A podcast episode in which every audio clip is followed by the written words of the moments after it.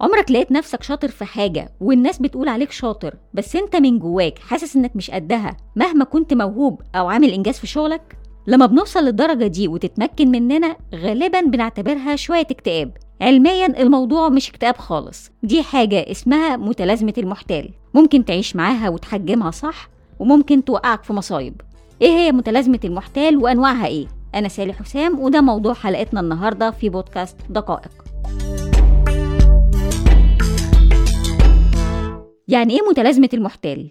متلازمة المحتال هي ظاهرة نفسية بتنطوي على مشاعر ملهاش أساس. دايما بيحس المصاب بيها إن نجاحه كان مجرد ضربة حظ أو إنه حورتجي وصايع وقادر يضحك على الكل بإنه أذكى بكتير من درجة ذكائه اللي هو عليها فعلا.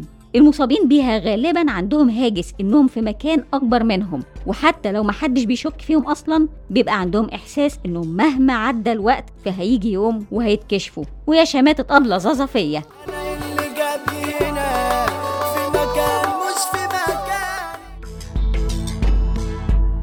التعريف اللي قلته عايم شوية صح؟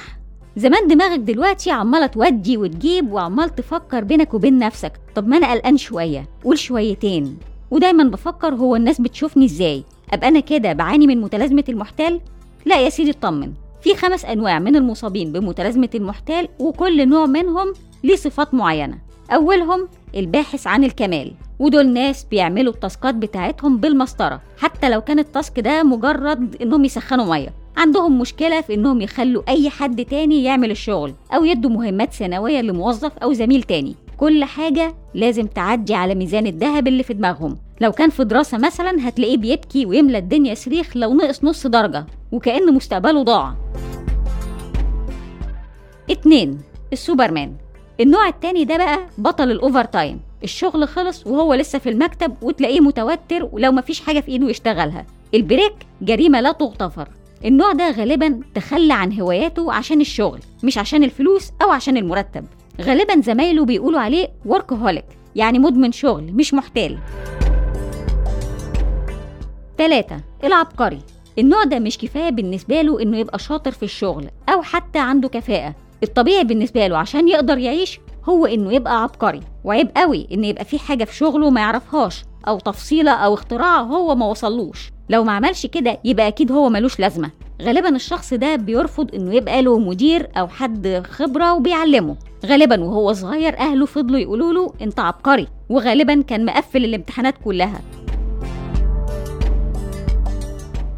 أربعة العازف المنفرد. ده بقى لو طلب مساعدة في يوم يبقى يوم النكسة والعار والهزيمة. مش عيب تبقى استقلالي لكن طلب المساعدة مش عيب ولا حرام ولا هيقل منك في وسط الناس. الشخص ده بيبقى عايز الإنجاز يبقى إنجازه هو من الألف للياء. ولو في حد اداله توصيلة مثلا لمكان الانترفيو بتاع الشغل يبقى الراجل ده بقى صاحب فضل عليه وهيذله وبقى من بتوع الوسايط. الخبير.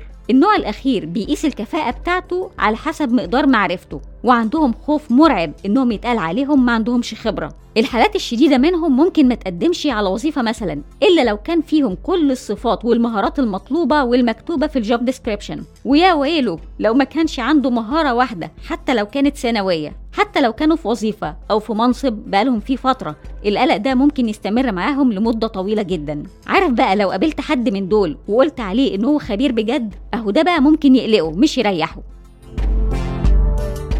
أحب على راسك وأبوسك. يا حبيبي. انت عبقري يا ابني. إيه ده؟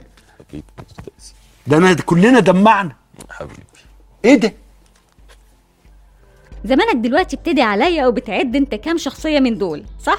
لا ما تقلقش قوي. أنت مش لوحدك. بعض الدراسات وصلت بنسبة الأشخاص اللي بيعانوا بدرجة ما من متلازمة المحتال لحوالي 70% وبعضها رفع النسبة ل 85% إحنا كتير يا صاحبي. طيب أطمنك؟ ألبرت إينشتاين وجينيفر لوبيز وليدي جاجا وإيما واتسون وتوم هانكس بجلالة قدرهم قالوا إنهم في وقت ما حسوا إن هم محتالين المشكلة مش في كده خالص. الناس دي زي ما أنت شايف قدرت تنجح وتكسر الدنيا. المشكلة في الحالات الخطرة من متلازمة المحتال ودي اللي هنشرحها بعد فاصل قصير جدا.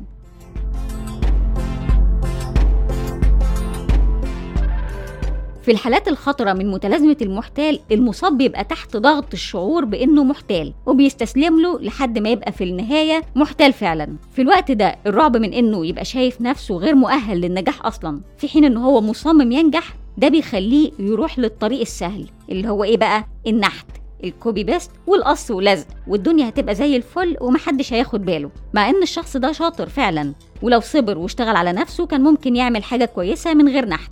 عندك مثلا إليزابيث هولمز رئيسة شركة ثيرانوس واللي كانت الطفلة ال multitasking. بتعرف تتكلم صيني وبتبيع برامج كمبيوتر للجامعات في آسيا. وكانت عايزة تخترع جهاز واحد يعمل 100 تحليل دم من نفس العينة. فاختصرت الطريق على نفسها وأقنعت الناس إنها اخترعت الجهاز فعلا. وهي في الحقيقة كانت بتعمل تحاليل الدم في معامل عادية. ويمكن لو كانت اشتغلت على نفسها أكتر كانت حققت الهدف بتاعها ولو على فترة أبعد. لكنها وقعت ضحية الصورة اللي هي رسمتها لنفسها. لحد دلوقتي مفيش علاج أو حباية سحرية المصاب ياخدها من هنا ويخف من متلازمة المحتال. أصلا يعني الدليل التشخيصي والإحصائي للاضطرابات النفسية والتصنيف الدولي للأمراض مش بيعترفوا بالمتلازمة باعتبارها مرض نفسي مع أن الأعراض المرافقة للمتلازمة زي تدني الاحترام للذات أو الإحساس بالفشل مصنفين كأعراض مصاحبة للاكتئاب. لكن لو خرجت الأمور عن السيطرة فالمصاب محتاج يفكر في زيارة طبيب نفسي. ومهم برضو إن الشخص يلاقي اللي يطمنه ويفضفض معاه عشان يبعد عنه الأفكار السلبية عن دماغه. قبل ما تنتهي حلقتنا فضفض معايا بصراحة كده ومش هقول لحد. إيه الشخصية اللي قلناها وحسيت إنها قريبة منك؟ هنسيب المصادر في الديسكريبشن. ولو عندك أي أسئلة أو اقتراحات ابعت لنا على info@دقائق دوت نت واستنانا الحلقة الجاية.